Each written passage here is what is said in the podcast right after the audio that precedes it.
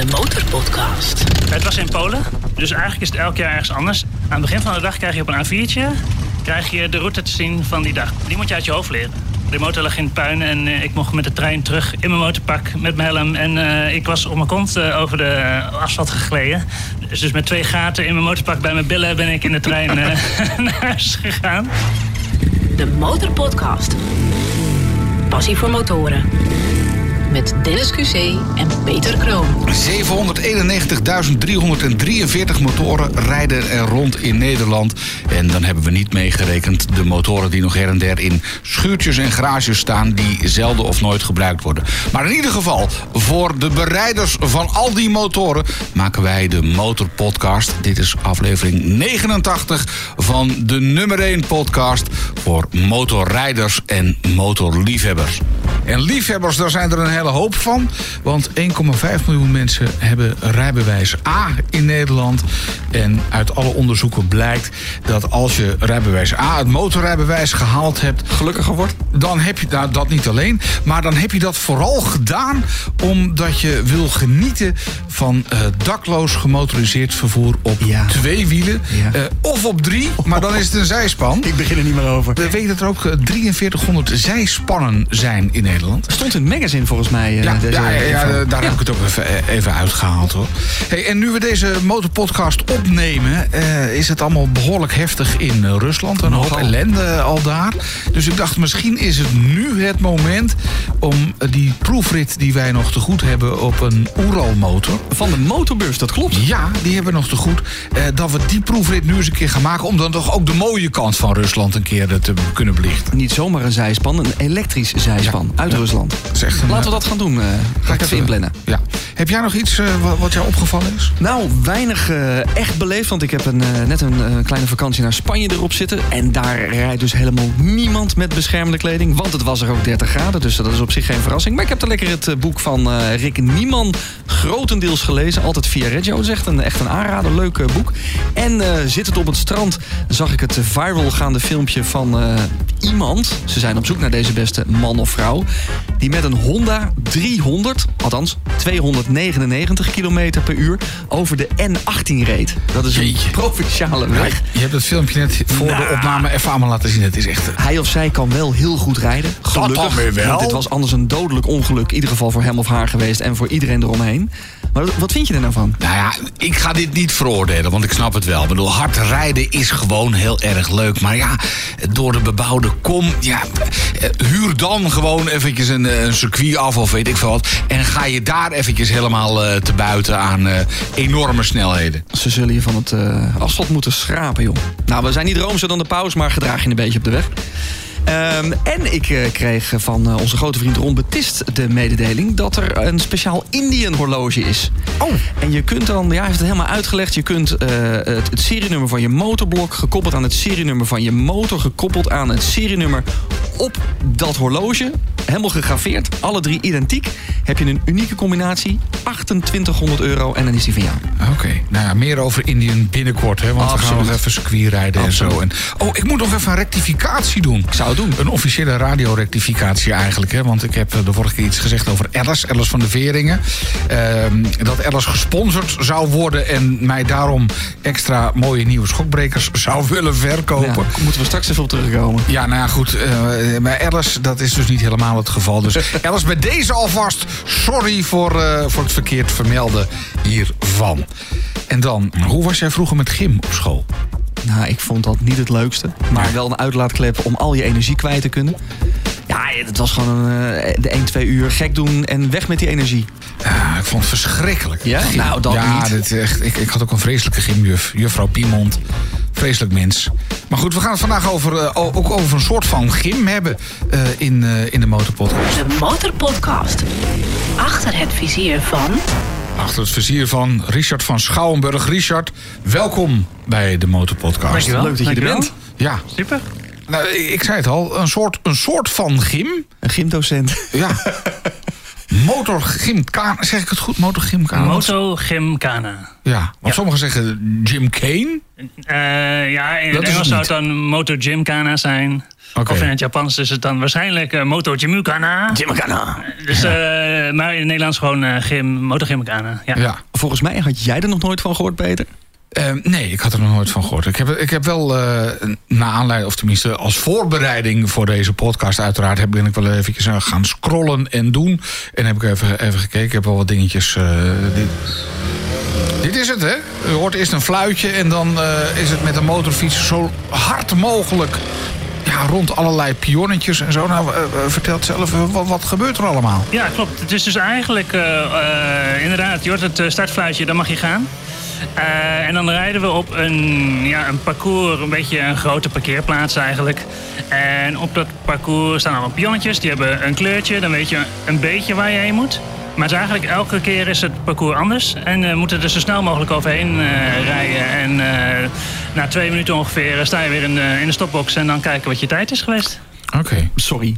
Ik hoor parkeerterrein en ik hoor pionnen.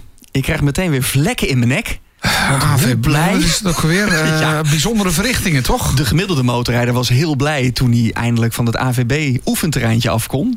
En jij rijdt daar dus voor je hobby? Voor de lol, eh, Voor de lol ben- heb ik heel wat eh, uur op eh, parkeerterreintjes besteed, inderdaad. Ja, ja, dus eigenlijk waar de ANVB, eh waar je het over hebben, stopt, gaan wij verder. En, en nog verder, want we gaan niet alleen de oefeningen doen, maar we gaan ook zo proberen zo snel mogelijk te doen. En inderdaad helemaal de grens opzoekend. eh, zo hard mogelijk wegrijden, zo hard mogelijk stoppen en zo schuin mogelijk door de bocht. Ja. Maar dan op een ja, relatief lage snelheid. Eh, dus dan, als het een lang stukje is, dan is het misschien maximaal eh 50 km per uur of zo. Oké. Ja, want jij zegt eh, relatief langzaam. Maar ik zag het filmpje. Je kunt een achtje draaien zoals je bij je AVB leert. Maar zoals jij een achtje draait. Dat is, ik heb wel eens van die filmpjes gezien van eh, Amerikaanse eh, politieagenten op een Harley. En je hebt ook van die Japanse agenten. Is het daar een beetje van afgeleid? Ja, dus, dus meestal als de mensen het al kennen, dan kennen ze het van twee filmpjes. Of ze kennen de eh, Harley variant. Ja. Daar hebben ze eigenlijk, eh, is eh, in Amerika, dan heb je heel veel pionnen aan de buitenkant. Ja, En dan moet je dan die grote Harley binnenin zien te keren en dat past maar net eigenlijk. maar die doen het fantastisch. Ja, die- ja, ik zou het niet willen marshalen, als je het zo mag zeggen. Want als iemand die piontjes omrijdt, dan moet je ze alle 10 miljoen weer oprapen. Wat wij doen en waar, wat andere mensen soms kennen, dat is de Motogymkhana. Daar staat er één pionnetje in het midden. En je mag er eigenlijk zo ruim of zo krap omheen als je wil. Oké. Eh, dus hoef je maar één pionnetje op te rapen als je hem om hebt gereden. Maar dan eh, eigenlijk hoe krapper je eromheen rijdt, hoe sneller je tijd uiteindelijk wordt. Ja. En nou had je het er al even over. Dat op sommige filmpjes wordt het met een dikke Harley gedaan. Maar ja, wij stellen ook altijd eventjes de vraag... Waar rij je op? Eh, ik rijd zelf op een eh, Husqvarna SMR 510. Dus een supermotor is dat. Oké, en dat is omdat hij heel wendbaar is, neem ik aan. Eh, nou, ik heb deze nu eh, net eh, nieuw sinds vorig, eind vorig jaar eh, gekocht. Omdat ik iets anders wilde. En deze, ik wilde vooral iets lichters. En als iets licht is, dan is het natuurlijk wel een, eh, een crossmotor met straatbanden. Oké. Dus vandaar, eh, ik ben van een CBR 600 F4i Honda. Dus eh, overgestapt naar een eencilinder eh, van 180 kilo naar 120 kilo. Dat is een wereld van verschil. Dat is echt een, alsof je inderdaad op een fiets stapt, een verschil inderdaad. En vooral natuurlijk als je ja, je de hele tijd linksom en rechtsom moet gooien... dan merk je wel dat het echt het verschil maakt. Daarnaast heb je, het is een eencilinder, dus hij is een stuk smaller. Mhm. Dus in een slalom kan je veel smaller doorheen. Omdat je niet zo breed bent. Mhm. En een eh viercilinder is gewoon een stuk, eh, ja, een stuk breder. Dus dan heb je daar ook weer eh, tijdswinst in. Maar mag je dan gewoon van motor wisselen binnen? Is er een klassement of zo? Of hoe, hoe, hoe werkt überhaupt de, de ranking van dat je het wel of niet goed doet? Ja, dus ten eerste, het kan op elke motor. Ja. En dat is ook waar wil jij zelf de uitdagingen zoeken of wat is jouw doel? Wil je de allersnelste van de hele wereld worden, dan heb je misschien een, een iets mindere keuze. Maar het leuke daaraan nog steeds is dat je, als je een parcours goed in elkaar zet, dus dat is een uitdaging voor degene die de parcours maakt, dan kan je op verschillende motoren, eh, heb je uiteindelijk een, een, een even snelle tijd. Of een, en dan is maar net hoe goed de rijder is. Dus je kan op een, een heel klein eh motortje zitten. En dan kan je sneller rondjes draaien. Heb je een kortere wielbasis bijvoorbeeld. Maar ja, het, het lange stukje, het lange stukje tussen aanhalingstekens. Ja. Eh, eh, Ja, dan zit je gas open. eh, Zit je te wachten tot je natuurlijk bij het volgende pionnetje bent. Terwijl als je op een 1000 cc rijdt, dan doe je het gas open bip, en dan ben je bij het volgende pionnetje. Maar dan zijn je rondjes weer groter. Dan heb je meer massa om eh, van links naar rechts te gooien en eh, om om te draaien. Dus maar meestal is het parcours gevarieerd mogelijk. Eh, dus er het, ja, uiteindelijk eh, nog steeds de snelste eh, rijder die wint. Op welke motor hij dan ook wil rijden. Dus om even nog terug te komen op wat is nou een goede motor. Heel veel mensen rijden toch op de viercilinder sportmotoren. Eh, ook vanwege betrouwbaarheid, maar ook de sportmotoren zijn vaak een betere geometrie. Die heb je meer upgrades kan je ervoor krijgen. Ja, de hele goede motor, die als je hem kan vinden en krijgen, de Honda NSR 250, dus de tweetakt. Die hebben toch een ideale gewichts-pk-verhouding. Ongeveer eh, ja, 70 pk heb je dan op eh, 140, 150 kilo. En dat is eigenlijk eh, heel veel meer kan je toch niet kwijt. Als je goed op het gas gaat op zo'n klein stukje. Eigenlijk eh, is, is dat ook een goede variant. De Motorpodcast. Gratis in je favoriete podcast-app. Maar die Husqvarna van jou Ja. komt ook aardig in de buurt. Vrij lichte motor. Volgens, volgens Ja. mij is dit hem trouwens hoor. Een beetje wat, wat lichtere geluid. Ja. Nee, klopt. De, de eencilinder eh, hoor je dan. eh, ja, die, is- die is gewoon vrij licht. Het nadeel is dat hij wat hoger op de poten zit. Dus als jij gewicht van links naar rechts gooit, dan moet je, heb je een hoger gewicht wat zich verplaatst. En hij heeft een wat langere eh, wielbasis. Dus hoe langer je wielbasis, hoe groter je rotaties worden eigenlijk. Dus dat Ja. is wat eh, nadeliger. Ja. Want ik heb ook een stukje gehoord. Dit is met een wat zwaardere motor. Dat hoor je wel hè? Gaat Dat is die CBR, denk ik. Ja. Nou, in ieder geval, dat, eh, dat, dat, dat gaat allemaal wat, wat, wat moeilijker en zo. Maar heb je hem eigenlijk uiteindelijk speciaal gekocht hiervoor? Die Husqvarna, dat je dacht van, eh hou eens even. Maar ik eh, heb al een aantal wedstrijden gewonnen. Ja, klopt. Eh, ik wil blijven winnen. Moet een mooi, klein, snel, compact motorfietsje komen. Nou, wat eigenlijk het, de wisseling eh, veroorzaakte, zoals ik, ik had die CBR had ik zeven jaar, denk ik. En ik vind het iets leuker om te rijden dan om eh, de motorfiets te onderhouden. En eh, je valt eh, redelijk vaak, dus dat ding begon een beetje te roken. En die begon een beetje onderhoud nodig te hebben. En ik had zoiets van, nou, na zeven jaar, ik ben eigenlijk een beetje uitgekeken. Ga ik dit ding nog helemaal opknappen? Of ga ik gewoon iets anders proberen? En toen dacht ik van, nou, ik wil iets lichters. Ik wil iets totaal anders. Ik wil beter leren motorrijden. Dus laat ik eens een eencilinder proberen. Ik had er nog nooit eentje gehad eigenlijk. En een supermotor sprak me eigenlijk altijd aan. Dus ik dacht, nou, omdat ik al een tijdje aan het winnen was... eigenlijk eerst altijd gedacht... ik hoef niet te wisselen zolang ik nog win. Hoef ik niet te upgraden, want er zijn, eh, ja, er zijn betere motoren... of nieuwere motoren of, eh, eh, zijn er te krijgen. Maar ik dacht, ja, ik win nog steeds... dus ik hoef niet... ik kan mijn geld in mijn zak houden en ik rij gewoon lekker door. Maar goed, na een tijdje, zoals ik zei, hij ging het wat slechter doen. En ik denk van, nou, ik wil iets nieuws, maar ik wil niet hetzelfde. Of niet hetzelfde, maar dan nieuwer. Ik wil gewoon totaal iets anders. eh, om een beter, een beter te leren motorrijden eigenlijk. Ja. Dat is Nou, wel gelukt, ja. Eh, Maar nou zei je net, je valt er redelijk vaak vanaf. Want dat ding is dus je vorige motor best wel beschadigd geraakt. Ja. Ik dacht dat dit redelijk veilig was, maar eh, het gaat dus nog alles mis. Nou, je hebt het, het is relatief veilig. En het is Ah. ook eh, afhankelijk van eh, de rijder en de ambitie die de rijder heeft. Kijk, je kan het eh, best wel doen als je. We hebben natuurlijk ook eh, bij de vereniging eh Motor Gymkhana hebben we ook eh, gewoon eh, experiences noemen we dat. Dan, eh, dan leren we mensen een beetje eh, eh, rijden. Daar kan je op allerlei motoren meedoen en eigenlijk valt daar niemand. Ah, het enige wanneer mensen nog wel eens vallen, wanneer ze per ongeluk de motor laten afslaan en dan oh, zit hij net schuin en dan eh, stappen ze mis en dan leggen ze hem toch nog neer. Of eh, ja, zo'n beetje onhandige onhandigheidjes die je ook wel eens op de weg kan hebben. Maar goed, als je echt het als sport gaat doen en je gaat verder en verder en je gaat de grens opzoeken, dan wil je weten waar die grens is en dan ga je er overheen. Ja. En als je dus zo'n rijder bent die echt het uiterste van de motor wil, ja, dan ga je er overheen en dan ga je je motor ook wel op voorbereiden dat dat niet meteen betekent dat je elke keer een nieuwe kuip op moet zetten of zo. Dan ga je valbeugels kopen en, eh, en dat soort geintjes om de motor een beetje heel te houden. En als je dat dan hebt gedaan, ja, dan leg je hem neer, pak je hem op, ga je weer verder. Want wat heb jij nu dan laten doen aan die Husk... eh, Husqvarna. Nou, eigenlijk vrij weinig. Dat is het voordeel van de supermotaar. Is die is vrij smal. Die is ook gemaakt om te vallen. Of is een crossmotor. Is ook een redelijk. eh, eh, valt binnen het framepje eigenlijk dat eh, motorblok. En hij heeft een breed stuur. En op de stuur zitten handkappen.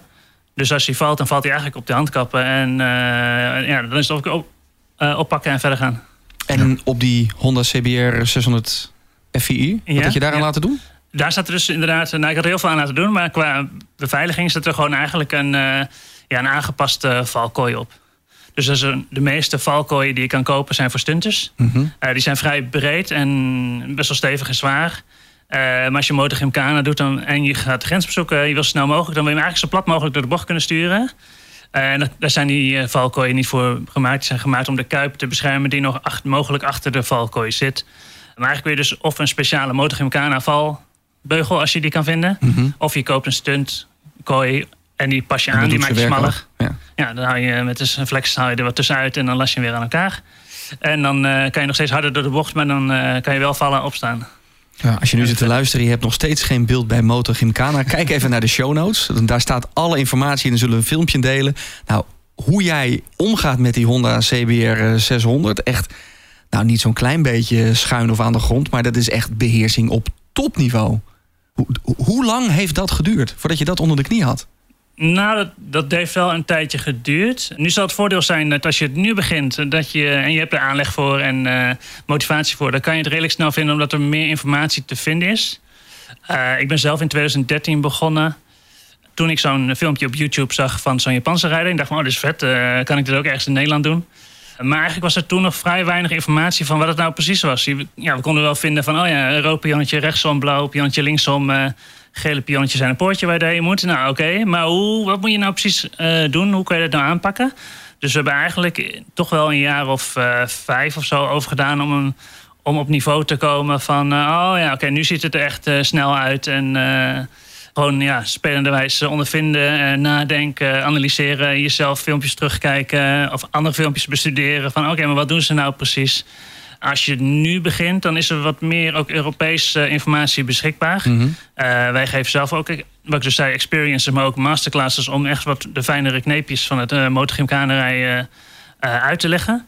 En ja, dan kan je theoretisch in een jaar of twee, als je echt gemotiveerd bent en zelf ook gaat trainen op een parkeerplaatsje in de buurt, dan kan je op een redelijk niveau komen. De Motorpodcast. Je zei net al, het komt dus eigenlijk uit Japan. Daar heb jij ook voor het eerst filmpjes van gezien uit Japan. Ja. Waarom hebben die Japanners dat bedacht? Ik bedoel, uh, ja, dat is een hele goede vraag. Uh, ja, dus eigenlijk in Japan bestaat het al sinds de jaren 70. Waarom ze dat hebben bedacht, uh, geen idee. Gymkhana betekent volgens mij je behendigheid. Dus als je zoekt op Gymkhana, dan vind je ook wel eens iets met paarden of, of iets dergelijks. Ja. Waarom ze hebben bedacht, geen idee. Maar goed, het is in Japan ja, geboren dan, om zo maar te zeggen. Alleen Japanners zitten op een eiland en die spreken Japans... en die hebben niet zo heel veel met de buitenwereld en met de rest van de wereld. Dus die, het is best wel lang geduurd voordat dat, uh, ja, eigenlijk het eiland is overstegen. Dus ik denk een beetje in uh, 2010 of zo... Uh, heeft iemand een keer in Japan bedacht... Oh, laat ik een dvd'tje gaan maken met wat is MotoGymkhana... En sindsdien is het over de wereld een beetje gedacht van... hé, dat ziet er eigenlijk best wel gaaf uit en laten we dit ook eens proberen. Ja. Het ziet er heel spectaculair uit. Jij bent in 2013 dus begonnen. Ja. Een soort early adapter. En in 2018 werd je voor de eerste Europese kampioen. Ja, klopt ja. Ja, dat heeft wel dus ook te maken eigenlijk, met, denk ik, met uh, die, die ja, early adapter fase waarin we zaten. Want eigenlijk is het zo gegaan dat in 2013 zijn we in Nederland begonnen. Dus toen, was een, toen ik het zocht, waren al andere mensen waren een jaartje bezig. Een beetje ja, via Motorforum geloof ik hadden ze elkaar gevonden. Van goh, hey, ik heb een filmpje gevonden, laten we dit eens proberen. In 2013 hebben ze de vereniging MotoGymkhana in Nederland opgericht. In 2014 hebben ze gedacht van nou weet je wat, uh, we hebben een jaartje gespeeld, laten we wedstrijden organiseren. Ja. 2015 dachten ze nou we hebben een jaartje wedstrijden gedaan, laten we het Europees kampioenschap organiseren. En eigenlijk door die ontwikkeling uh, is het niveau vrij snel in Nederland gestegen. En nou ja, 2015 was ik geen Europees kampioen, maar heb wel meegedaan. 2017 was ik tweede, geloof ik. En ja, zo is het eigenlijk een beetje gegroeid. Ja, ondertussen uh, heb ik dat dan weten vasthouden, vijf jaar lang. Tot ja. ook twee weken geleden. Er zit hier niet zomaar iemand aan tafel. Vijf keer Europees kampioen. Oh, tot twee, jaar, twee weken geleden. Ja. 2023 kan niet op jouw naam worden. Nee, nee, nee. Dus ik heb wil, wil je erover praten? nou, uh, ja, dit jaar uh, is het hem helaas niet geworden. Hoeveelste dus, ben je dan wel geworden? Uh, tiende. Oh, Oké. Okay. Nee. Ah, okay, in ieder geval nog in de top 10. Ja. In ieder geval top 10, ja. Wat behelst een Europees kampioenschap dan? Hoeveel rond, rondjes, rondes moet je rijden? Hoeveel punten moet je halen? Hoe, ja, neem ons eens mee. Ja. Waar dus was het überhaupt? Het was in Polen. Dus eigenlijk is het elk jaar ergens anders. En het is dus niet zoals een MotoGP dat je een heel klassement hebt... Uh, waar je punten kan scoren en dit en dat. Eigenlijk is het gewoon één wedstrijd... Uh, omdat het ook nog vrij klein, uh, vrij budgetsport is... willen we niet dat mensen vereist wordt dat ze het hele jaar maar overal heen rijden en uh, allemaal wedstrijden doen. Dus het is eigenlijk één wedstrijd uh, in een land die dat dan organiseert. Uh, de lastigheid daaraan is, is dat heb ik net niet verteld, maar als je een wedstrijddag hebt, dan is elke keer het parcours anders. Aan het begin van de dag krijg je op een A4'tje krijg je de route te zien van die dag. Dus dat gaat inderdaad met achtje slalom, grote bochten links, rechts, slalom, alles door elkaar. Die moet je uit je hoofd leren. Dus je krijgt 45 minuten de tijd om te voet het parcours te verkennen. En daarna mag je je motor pakken en dan op volgorde van de nummering mag je twee keer proberen. En dat is dan ja, de input die je kan leveren. Daar moet je dus, mee doen. Dus daar moet je mee doen. Ja, dus het is, deels is dus de sport motorbehendigheid. Dus je moet snel mogelijk die motor weten te bedienen. Je moet ook nog, je mag niet even inkomen. Het is vanuit het startvak. Direct eerste pionnetje moet je zo plat mogelijk er doorheen. Plus je moet dus niet verdwaald raken en het parcours uit je hoofd leren. En wat als dat wel gebeurt? Strafpunten. Ja, dus uh, we hebben strafpunten inderdaad. Als je je voet aan de grond zet of als je een pionnetje raakt. Oh, mag de Uh, voet ook niet aan de grond? Nee, nee dan Oh. krijg je dus een strafseconde erbij. Dus dat is best wel een kostbaar eh, geintje. Uh, want vaak liggen wel inderdaad de toptijden liggen, ja, binnen die seconde bij elkaar. Best heftig. Ik heb nog een opname van je Hursk Varna Solo. Ja, ik, ik heb ademloos naar die filmpjes zitten kijken. Ik denk echt, hoe- hoe dan? Ik had in mijn veronderstelling, denk ja, dat parcours doe je misschien 100 keer. Dan weet je het bij de 200ste keer echt blind te doen. Maar nu ik hoor dat je 45 minuten krijgt om het te bekijken, te belopen. Je mag twee keer rijden. Wel Ja, dus ik vergelijk het zelf eens met dat uh, uh, speedclimbing. Dan zie je ook van die mensen zie je zo uh, in hun Oh, hoofd ja. visualiseren van oh ja, ik moet linker daar rechts en dan moet ik een beetje linksaf en dan een beetje rechtsaf. En dan uh, kunnen ze ook in 10 seconden schieten ze zo'n zo'n muur op. Nou is dit eigenlijk ook, want uh, als je het vaker doet en vaker doet, dan ga je dus in je hoofd ga je dat kunnen visualiseren. Dus ik ben een kwartiertje ben ik aan het verkennen, ben ik tussen het voet aan het lopen en aan het rennen om zo snel mogelijk het parcours een keer gezien te hebben. En daarna ga ik het met mijn ogen dicht visualiseren hoe dat dan gaat zijn. En dan ga ik ook bepalen van oké, als ik hier het bochtje uitkom, dan moet ik daarheen kijken, want daar is de volgende pion. En dan vrij snel weet je dus dat het uit je hoofd helemaal uh, de parcours kennen. Heel knap. Je luistert naar de Motorpodcast, de nummer 1 podcast voor motorrijders en motorliefhebbers. Blijf luisteren, want straks hebben we nog de interessante post. En we hebben nieuws over onze honderdste aflevering. De Motorpodcast. Richard, nou zei net, we hebben Motor Gymkhana wedstrijden door heel Europa. Onder andere in Polen. Hoe ga je er naartoe? Ook gewoon uh, op je Gymkhana motor, op je Hurskvarna? Nee, nee, dat is dus de reden dat ik hier ook niet op de motor ben. Is dat eigenlijk uh, als je je Motor Gymkhana motor aanpast voor de wedstrijden. Eigenlijk wat je voornamelijk doet is je vertanding aanpassen. Dat je gewoon zoveel mogelijk uh, power hebt in, in z'n één. Eigenlijk okay. rij je ook alles in z'n één. Dus, en als je dat gedaan hebt, dan rijdt je motor niet heel lekker meer op de openbare weg. Uh, plus dat, ja, wat ik net zei, je valt wel eens of er kan wel eens een stuk gaan. Ja, als je dan met stukken motor ergens bij een evenement, dan uh, sta, je, vast. Dus wat veel mensen toch doen, is een aanhangwagentje of een busje en uh, er zit de motor achterin en dan naar het evenementterrein toe. Ja. Maar uiteindelijk doe je dit toch ook om beter te worden op de weg.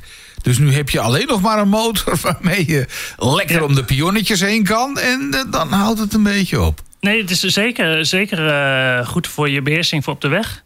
Uh, dat zien we dus ook met die experiences die we geven. Dat je, ja, je ziet echt een verschil tussen de mensen die net aankomen en denken van oh nee, die krijgen zweet in hun nek van uh, AVB. Ja. maar je ziet aan het eind van de dag van oh, oké, okay, ze hebben echt al wat geleerd. En je ziet ze echt beter, beter rijden. En vooral voor op de weg, als je bijvoorbeeld een straatje moet keren of zo. Ja, voor ons is dat met een van je neus draai het straatje om.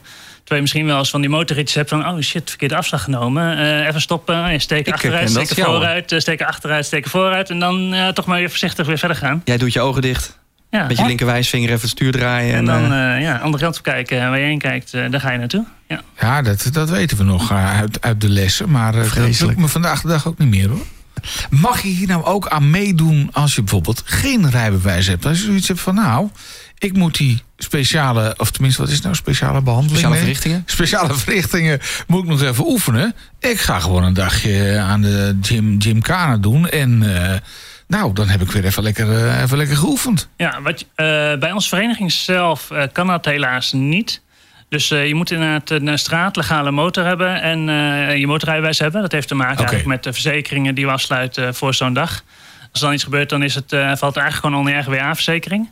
Uh, daar teken je ook voor, zo'n formulier dat het op een eigen risico is, dat soort dingen.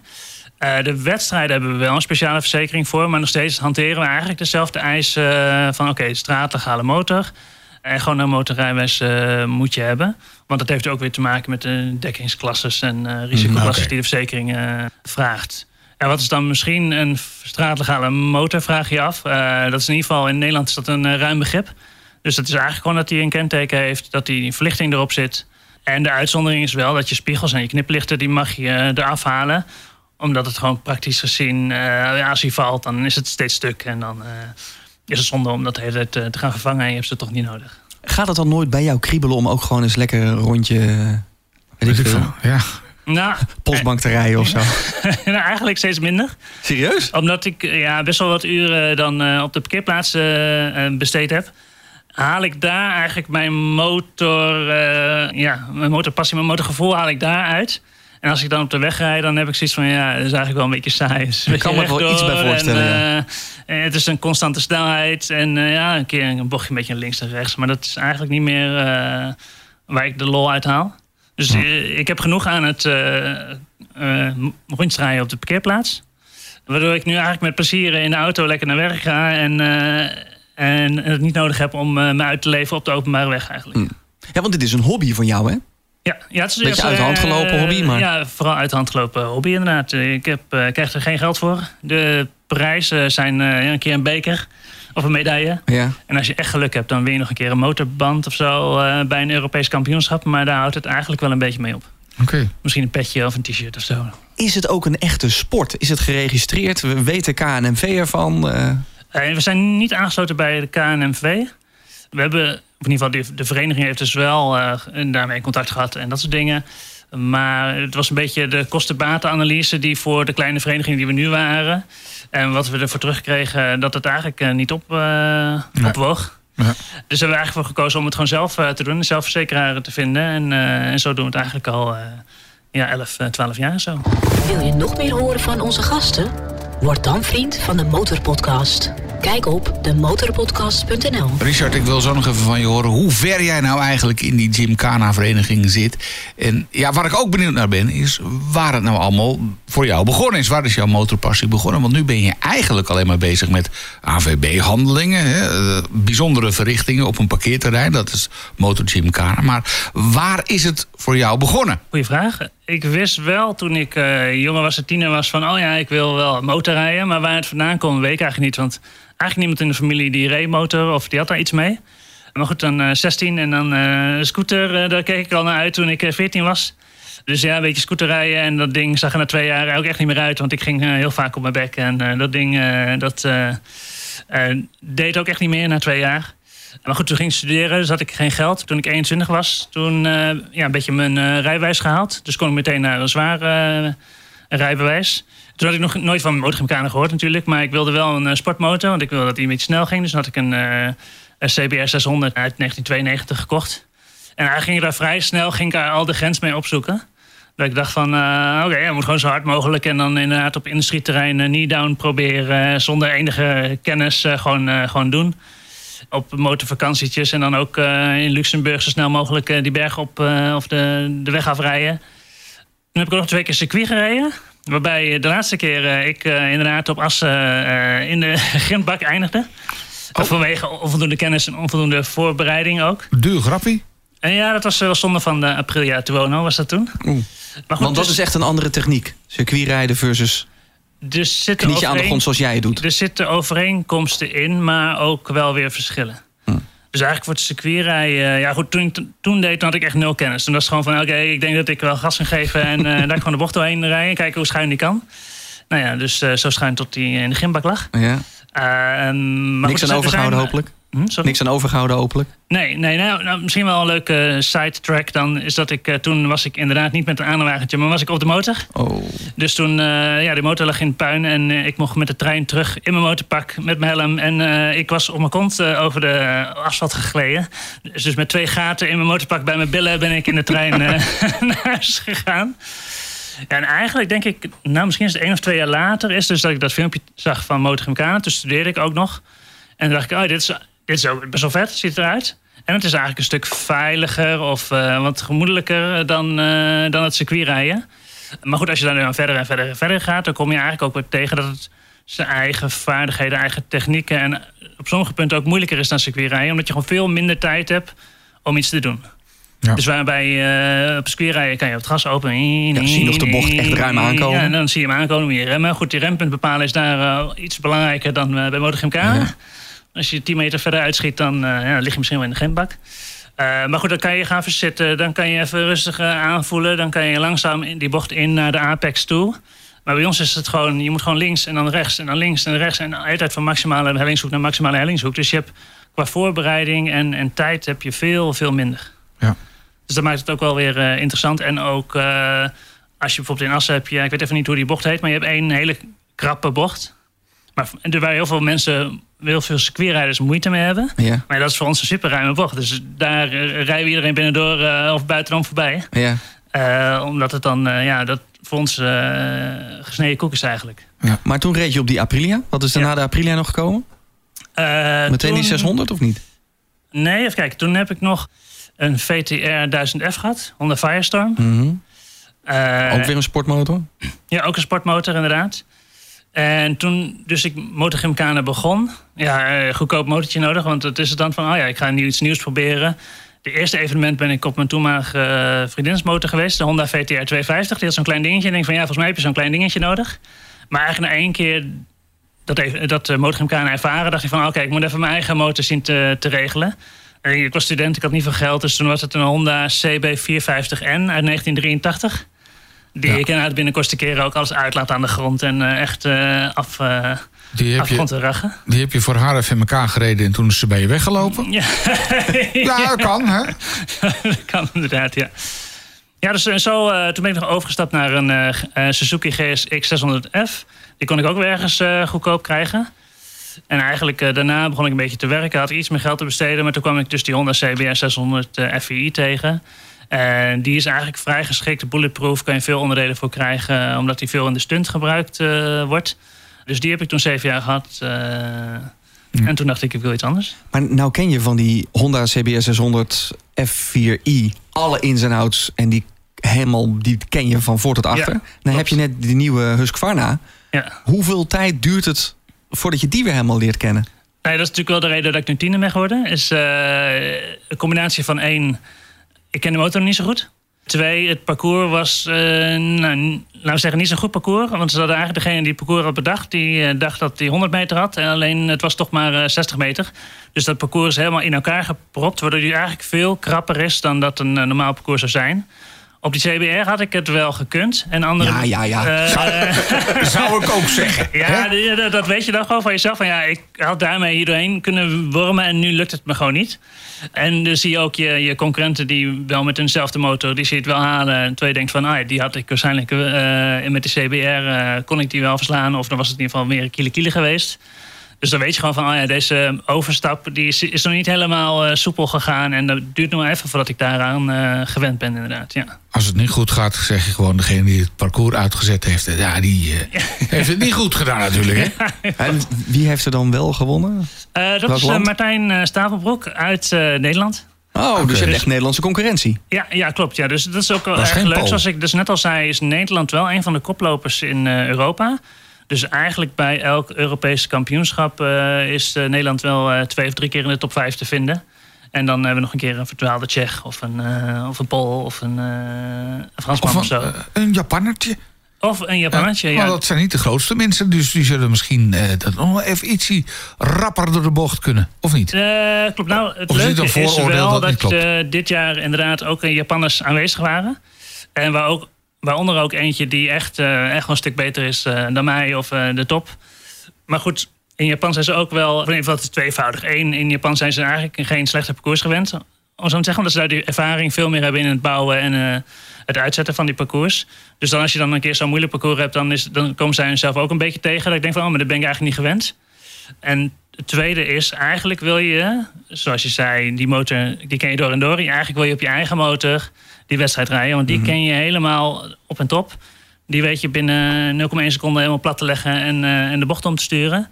Uh, maar als je net op een andere motor rijdt, dan, ja, dan ben je toch niet zo goed. Dan ben je toch wel een paar procent eh, langzamer dan dat je zou zijn op je eigen motor. Ja. Zeg het nog even één keer in het Japans. Vond ik wel leuk klinken. Moto Jimukana. Ja, dat klinkt eh, goed. Zou het wat voor jou zijn, Dennis? Om even... eh, we Nou. dit is jouw voertuig. We hebben nog steeds niet- gestart officieel. Nou, start hem eens. Dit is jouw eh, nieuwe eh, R1. Hoor eens. Nou, Lekker geluidje. Viercilinder, 200 pk. Ja hoor. Lekker rap om de Ik paaltjes zou heen. hier niet aan beginnen. We hadden het twee afleveringen geleden ook met eh, Frits Groeneveld motortraining over m- v- eh, voertuigenbeheersing. Nou, vindt iedere motorrijder zich natuurlijk de beste motorrijder. Nou, dat vind ik natuurlijk ook, maar ik ben dat zeker niet. Want ik herken me ook wel, als ik een straatje verkeerd rij eh, op een route, ja, dan is het ook gewoon echt even, echt even kutten. Zeker met een voor mij nieuwe motor, die, die R1. Ja, de- ik moet er gewoon nog een beetje aan wennen. Dus ik zie mij absoluut niet zo door de bocht gaan als jij. eh. Nee. Zie, zie jij me, eh, zie jij het wel doen? Ik eh, met... eh, dit, Met de Honda of met de, de, de Harley? dit wordt een onmogelijke opgave. Maar toch, als je ziet wat die Amerikanen ermee doen, die politieagenten, op zo'n weliswaar een andere insteek dan van de wedstrijd, maar Maar die Nee, krijgen, op van, zo'n grote Harley, ja. die krijgen van de zaak nieuwe treeplanken. Oh Die, die komen natuurlijk gigantisch over de grond. Nee, ik denk dat ik echt eh, enorm ten eerste een paar keer onderuit ga en enorme eh, Zonde. playfiguur eh, ga slaan. Ik, ik vind het er prachtig uitzien, maar ik absoluut nee, voordat je op dat niveau bent, jongen, niet normaal. Nou, maar dat af. is waar, waar ik zeg, het is maar wat je ambitie is. En eh, als je net een experience doet en het eh, gewoon eens gaat proberen, dan, eh, ja, wat ik zeg, er valt eigenlijk bijna niemand aan. Tenzij je echt een beetje onhandig, een beetje pech hebt, om zo maar te zeggen. Yamaha E1 heeft wel dan de, de nadeel, vooral zijn nieuwe, die heeft een hele lange eerste versnelling. Dus dan zal je inderdaad een beetje de koppeling erbij moeten gebruiken Ja. om uh, of de bocht wat ruimer nemen. Dus wat ik ook aan het begin zei, we zetten één pionnetje in midden en je kan er zo ruim omheen als je wil. En ik denk dat je er zeker wat van gaat leren als je wel uh, is, uh, het, het, zou proberen. Dat denk ik zeker. Maar ik ben wel. Heeft het iets te maken met Moto Jitsu ook? Is dat een soort. Zijn jullie concurrenten van elkaar? Concurrenten niet. Ik, ik weet van uh, het bestaan af. Ik heb zelf nog niet meegedaan, maar mm -hmm. ik, ik, ken uh, de Moto Jitsu filmpjes uit Amerika inderdaad. Mm -hmm. En ik weet ook dat er een Nederlandse man mee bezig is. Ja, Bart. ja, dus die is er heel enthousiast in en met de clubjes ook bezig op parkeerplaatsen en oefeningen aan het doen.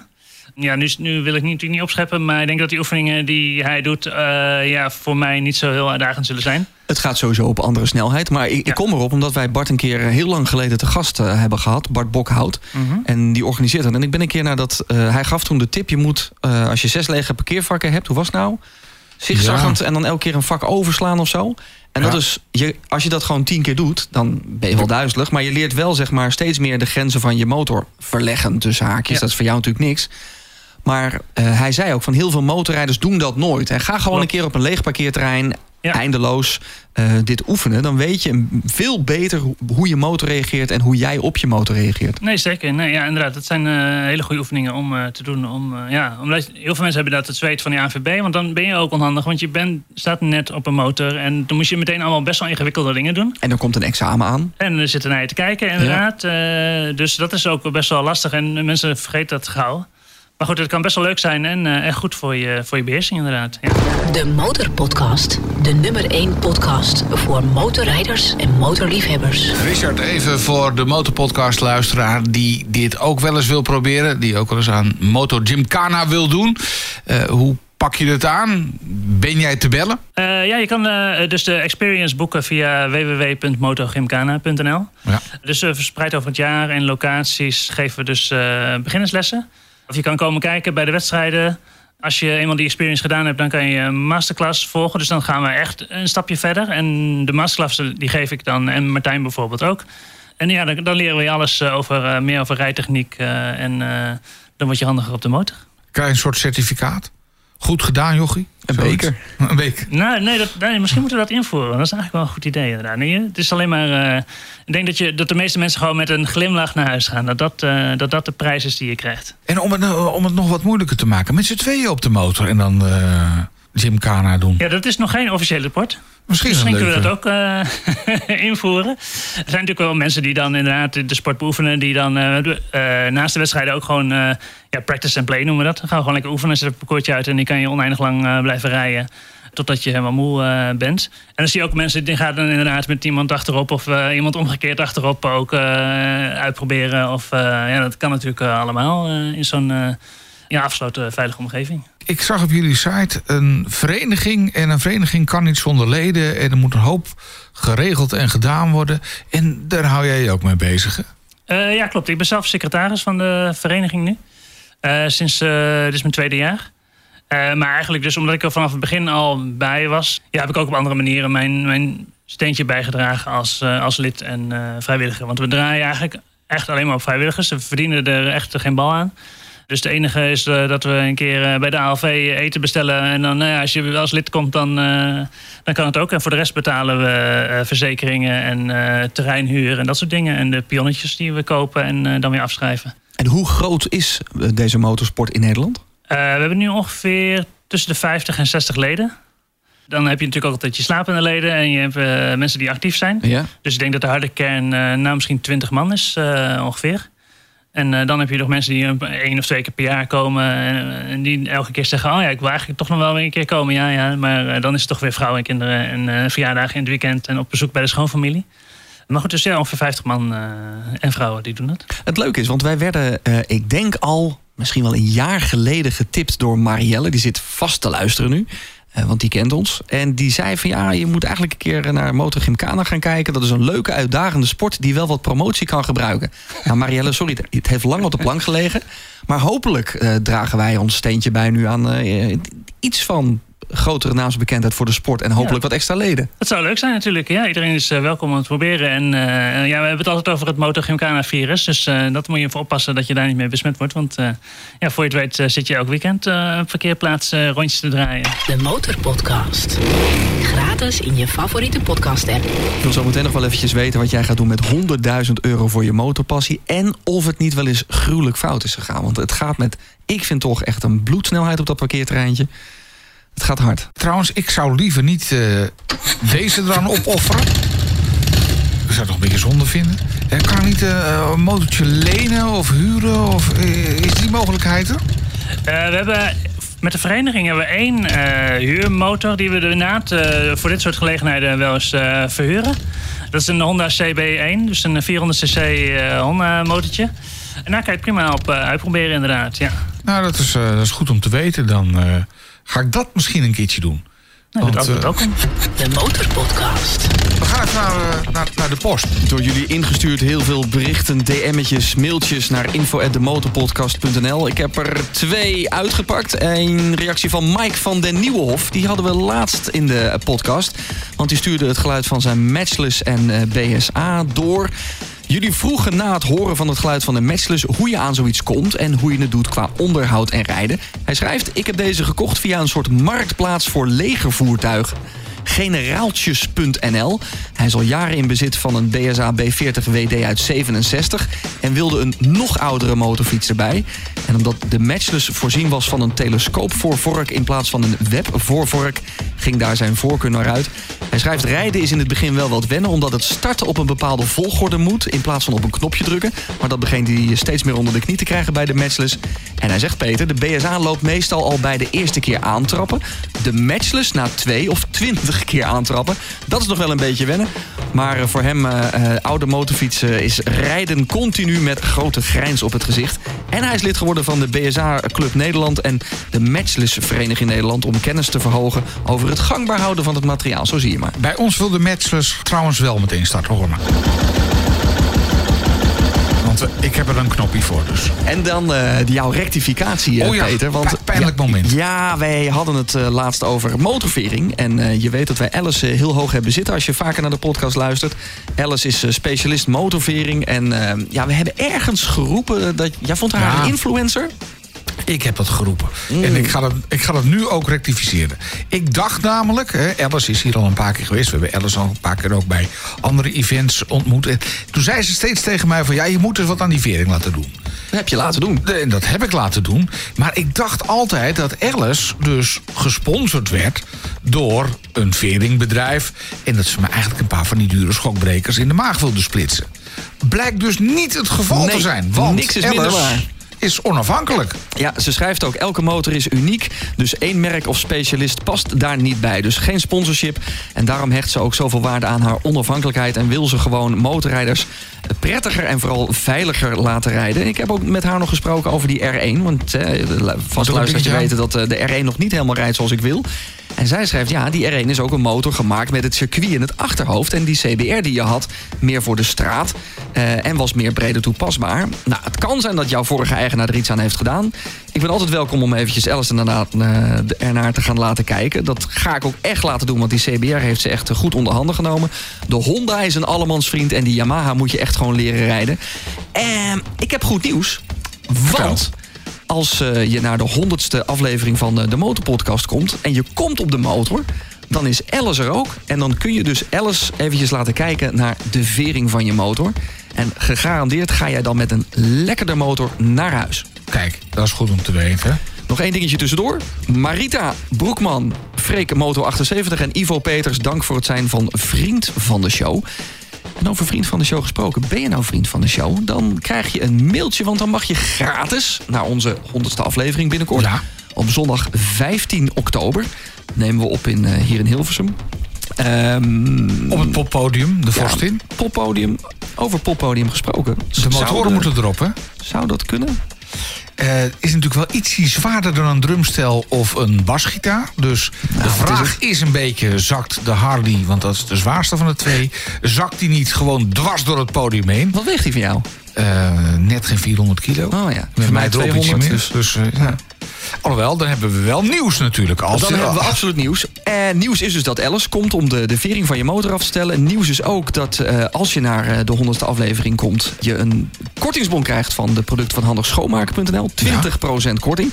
En je maakt ook nog kans op de eerste, tweede en derde prijs... als je voor ons een hele leuke vraag verzint. Want het leuke is, het is een live podcast. Dus je kunt met je vragen naar het podium toe komen. We gaan ze beantwoorden. En je zit twee uur bij ons in de studio. Heb je nog geen ticket? Ga dan snel naar demotorpodcast.nl en koop daarvoor maar 5 euro je ticket. En daarvoor krijg je dan weer een gratis eerste drankje en een leuke middag van ons. De Motorpodcast. We hebben het er niet graag over. Jij helemaal niet. Ongelukken. Nee, ik vind het echt. Ik, ik ben ook nou, een beetje bijgelovig misschien. Ik denk als je over motorongelukken praat, dat het dan sneller op je pad komt. Dus heb ik het er liever niet over. Maar goed, we moeten het er nu toch wel even over hebben met, uh, met onze gast, met Richard. Want het gaat wel eens uh, mis, denk ik. Ja, je ligt, wel eens, uh, je ligt wel eens naast. Dus wat ik eerder zei, als je de grens opzoekt, dan ga je er wel eens overheen. En nu is het voordeel wel dat de snelheid relatief laag is. Dus vaak is het eigenlijk, de motor valt op de grond, maar je was eigenlijk al schuin naar de bocht. En jij ligt ernaast en sta je weer op. En dan denk je van, oh, oké, okay, ja, doet alles het nog, doe ik het nog. En dan kan je weer verder.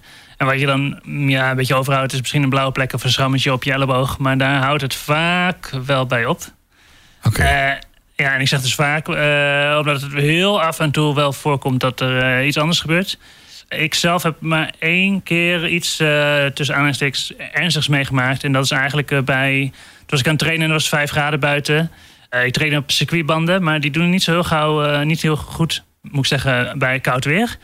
Dus dan, uh, en vooral de supercorsa's, die uh, zijn een beetje onvoorspelbaar. Dus die verliezen in één keer grip. En toen had ik eigenlijk een highsider. Dus dan glijd je achterwiel uit, pakt hij weer en dan uh, kiept de motor om. En dan werpt hij jou ervan af. En toen viel ik inderdaad op mijn sleutelbeen. Dus mijn linker sleutelbeen die zit wat losser dan de rechter. Dus eigenlijk de drie banden die er zitten, die zijn er allemaal niet meer. En nu wordt het een beetje bij elkaar gehouden met littekenweefsel. Maar merk je ja, verder helemaal niks van. Verder gaat het goed. We hadden eigenlijk een disclaimer moeten roepen. Van als je geïnteresseerd bent, skip even twee minuten dit verhaal. Want dan... ja, klopt. Nou ja, het kan nog erger als je uh, een beetje van leedvermaak houdt. Dan, uh, we hebben ook één keer gehad dat uh, een... ik zal zijn naam niet noemen. Maar die had zijn motor laten vallen. En hij had handige valbeugels. Alleen de positie van de valbeugels en zijn been was wat onhandiger. Dus die liet... ja, de motor viel om met zijn been tussen de valbeugel en het asfalt. Dus die had zijn been gebroken. Maar dat is eigenlijk dus in de... de ja, twaalf jaar dat we bestaan, is dat het enige keer dat we de ambulance uh, heeft moeten komen. Dan doe je dat heel netjes. Dan is het eigenlijk heel netjes. Als ja. je het vergelijkt met circuitrijden, dan is die ambulance bij elke circuitdag wel aanwezig uh, en nodig. ja. ja. Dus in die zin wel. is het zeker een hele veilige sport. Hoeveel tijd zit er eigenlijk in? Voor jou dan? Nu wat minder. Ik heb wel eens, ja, toen ik echt actief mijn niveau aan het volgen was en hard aan het trainen was nou, dan moet je eigenlijk denken dat je twee keer in de week eigenlijk wel traint. Dus vaak in het weekend. En dan een keer door de week, s s'avonds. en een training is dan niet een half uurtje, maar dan is dan eigenlijk ja, wel drie uur of zo minimaal. En als het een lekkere dag is op zaterdag en je, nou, je begint om 11 uur, dan wil je nog wel eens om 8 uur naar huis gaan, inderdaad. Ja. Dat is best pittig, want volgens mij vraagt het best wat van je lichaam en uh, überhaupt je gewoon je fysieke gesteldheid. Ja, dus fysiek, als je een beetje fit bent, uh, valt het wel mee. Maar het is vooral inderdaad het concentreren en gefocust zijn, wat het moeilijk maakt. En wat het ja, zwaar maakt uh, lichamelijk. Dus dan, omdat je toch elke keer op het scherpst van de snede moet draaien, moet je er echt altijd bij blijven. En meestal train je dan met sessies van een kwartier en dan weer een kwartier rust. Ongeveer, ja. Wat komt er nog na een Europees kampioenschap? Een wereldkampioenschap? Ja, dus wat ik net zei. Dus, dus lastig is, met je eigen motor wil je eigenlijk meedoen. Maar het is een ja, budgetsport en er zijn geen sponsoren, of in ieder geval geen grote sponsoren. Dus ja, er zijn nog niet mensen die echt de wereld overreizen met hun eigen motor. Ik heb wel eens bij de motorbeurs gevraagd aan uh, iemand die motoren vervoerde: van ja, wat kost het eigenlijk als ik mijn motor mee wil nemen naar Japan? En zei ja, dan moet je toch wel denken aan uh, dan sturen met vliegtuig heen, want dan weet je dat je hem op tijd hebt. En dan met de boot terug, dan ben je hem twee, drie maanden kwijt, maar dan, dan is het wat goedkoper. En dan moet je toch wel aan 3000 euro denken. Dus ja, voor dat geld kun je ook twee keer naar Japan toe, zeg maar. Ja. Is, is dat het ultieme? De Japanners uitdagen? De, met je eigen motor de Japanners uitdagen, dat uh, is inderdaad uh, de grote droom dan nog komt. Ja. ja, dan ga je op deze manier even uh, tegen die Japanners tekeer. Nou ja. Misschien moeten we gewoon een keer iemand uitnodigen die op de motor naar Japan is gegaan. Gewoon een heel stuk over land, dan een stuk met de boot. Ja. Als je iemand kent of je bent iemand die naar Japan is geweest, meld je eventjes bij info.motorpodcast.nl. Ja, zou ik ook nog eens willen naar Japan. Wat kost het? Eventjes door de bank genomen. Je hebt een motor nodig. Nou, dat kun je zo gek maken als je wilt. Mag een oud beestje zijn, een barrel. Hij moet technisch enigszins in orde zijn. Mm -hmm. ja. Je moet, neem ik aan, beschermende kleding dragen. Klopt, ja. Uh, dus zeg een pak, 1000 piek, motor. Ja, heb je ook vanaf 1000 piek tot uh, noem maar op. Ja, nee, inderdaad. Dus wat ik altijd wel gedacht heb is... ik zeg het altijd, het moet wel leuk blijven. ja, ik wil niet godsvermogen kwijt zijn aan, aan van alles. Dus ik probeer het wel een beetje budget aan te pakken. Dus eigenlijk de banden, ja, die kan je nieuw kopen voor 250 euro per stuk. Of ja, haalt ze tweedehands van de, de circuitrijders af. Die denken van nou, hier durf ik niet nog een halve dag of een sessie mee te rijden. Dus doe maar weg. En dan heb ik een, een half opgereden band voor 40 euro in plaats van 250. Dus al met al kan je het best wel goedkoop eigenlijk een heel jaar wel doen. Dus je moet natuurlijk wel tanken en je moet naar evenementen toe. En je slijt wel eens een keer door je laarzen heen, uh, ongeveer elke twee jaar. Uh, daar moet je ook rekening mee houden, maar die kan je weer van marktplaats halen. Dus zo hou ik het leuk. Knie-slidertje hier en daar. Ja, dat soort dingen. Ja, ja. En uh, broeken die je misschien weer ook, ja, ook van marktplaats weer haalt. Omdat je daar ook, ja, als je toch vaak valt, dan slijt zo'n ook een leren broek slijt nog redelijk snel. Of je handschoenen, dat soort dingen. Dus je, je bent een beetje op de koopjes, een beetje tweedehands. En dan kan je het eigenlijk een, ja, volgens mij een heel seizoen nou, als ik een keer uh, 3.000, 4.000 euro kwijt ben, dan uh, heb ik een heel jaar lang uh, plezier gehad om zo te zeggen. Oké. Okay. Nou, laten we het dan eventjes echt bond maken. De Motorpodcast. 100.000 euro voor je motorliefde. Wat ga jij ermee doen? Ja. Ja, een goede vraag. Ja, maar eigenlijk heb ik het een beetje verklapt al natuurlijk. Dan zou ik ehm, wel een motor kiezen die wat nieuwer en wat moderner is.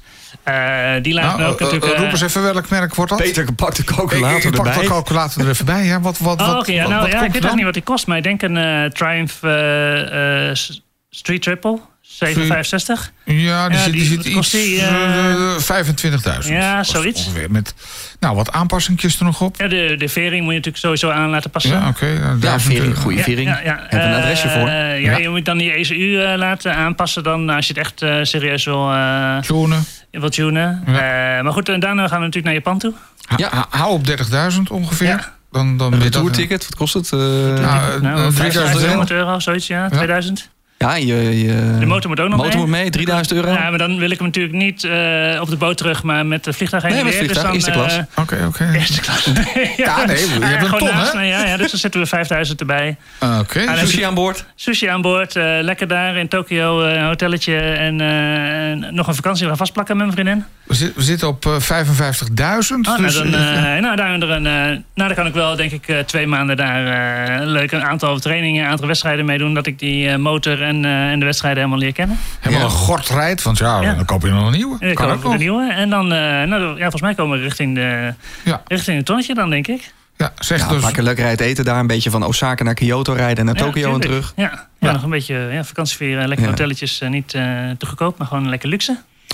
Oké, nee, heel duidelijk. je. Jouw droom is dus naar Japan met de Ja. motor. Juist, met je, met eigen motor naar eh, Japan om daar te kijken hoe goed je dan bent eh, met de echte top van de wereld. Ben je Ja. niet bang dat het dan heel erg tegenvalt? Die, die Japannetjes, die kleine Japannetjes, die... ah, keihard. Ja, die hebben het uitgevonden. Ja, Die heb je uitgevonden. Ja, dus je, je ziet echt wel dat de top 10 daar, eh, nou, die zou ons allemaal eh, wel eh, verslaan, om zo maar te zeggen, met een eigen eh, motor. Mhm. Kijk, wij kijken altijd, eh, ten, omdat de baan elke keer anders is. Het is niet als een circuit rijden van, oh ja, als je een as onder de 1 minuut 55 rijdt, dan ben je echt een snelle, snelle pief. Maar wij, omdat de baan elke keer anders is, meten we elkaar van, oh ja, hoeveel procent van de snelste rijder van die dag heb jij dan gereden? En zo kan je dus meten. En dan hoop je dat je binnen de 105 eh, procent zit. Mhm. Dan ben je de, de B-class. En dat zou toch wel mooi zijn om dat, eh, dat te zijn. Ja. ja. En anders heb je nog wel wat geld over van die ton om ze een beetje om te kopen natuurlijk. Ik bedoel, eh, een beetje, een beetje matchfixing fixing kan dan ook nog wel. Eh, Richard, blijf nog even zitten. Ja, ik heb nog heel veel vragen. Want dit- voor de wie- nabrander. Is er een scheidsrechter? Wie bepaalt eigenlijk alle regels? Hoe is de sfeer onderling in die club met, met die nummer 1 die nu jou van de troon heeft gestoten? We gaan het allemaal zo meteen be- bespreken in de nabrander. Ja, dat, dat moeten, we, moeten we zeker doen. Nabrander. Ja. Weet je nou niet wat het is? Dan ben je waarschijnlijk geen vriend van de show. Want vrienden van de show, die krijgen die nabrander eigenlijk bijna standaard na elke aflevering. We praten zo meteen nog eventjes na met onze gast. En als vriend van de show krijg je natuurlijk ook een gratis toegangsticket.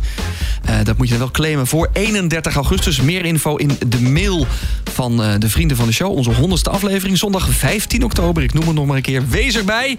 Want eh, de tickets gaan sinds twee weken geleden al best hard. Ze staan te koop op demotorpodcast.nl. Het gaat een heel fijn feestje worden. Alice is erbij. Alice. En we moeten de motoren schoonmaken. En denk met de producten van handigschoonmaken.nl. Oh, Goed dat je het zegt. gesproken. Ja, ja eh, Richard, eh, kijk eens.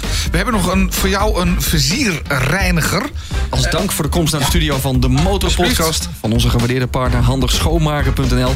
Is dit nou de eerste aflevering? Ik kan hem me bijna niet voorstellen die je luistert. Aflevering 89. Maar dan heb je er nog 88 te gaan. Die vind je allemaal op demotorpodcast.nl. Vind je deze podcast leuk? Geef ons dan een review in de podcast-app waar je naar luistert. En als je via Spotify luistert, druk dan op volgen... want dan krijg je automatisch een mailtje bij de volgende aflevering. En heb je ons wat te melden? Laat het weten via een DM'tje of info@demotorpodcast.nl. De Motorpodcast. Gratis in je favoriete podcast app.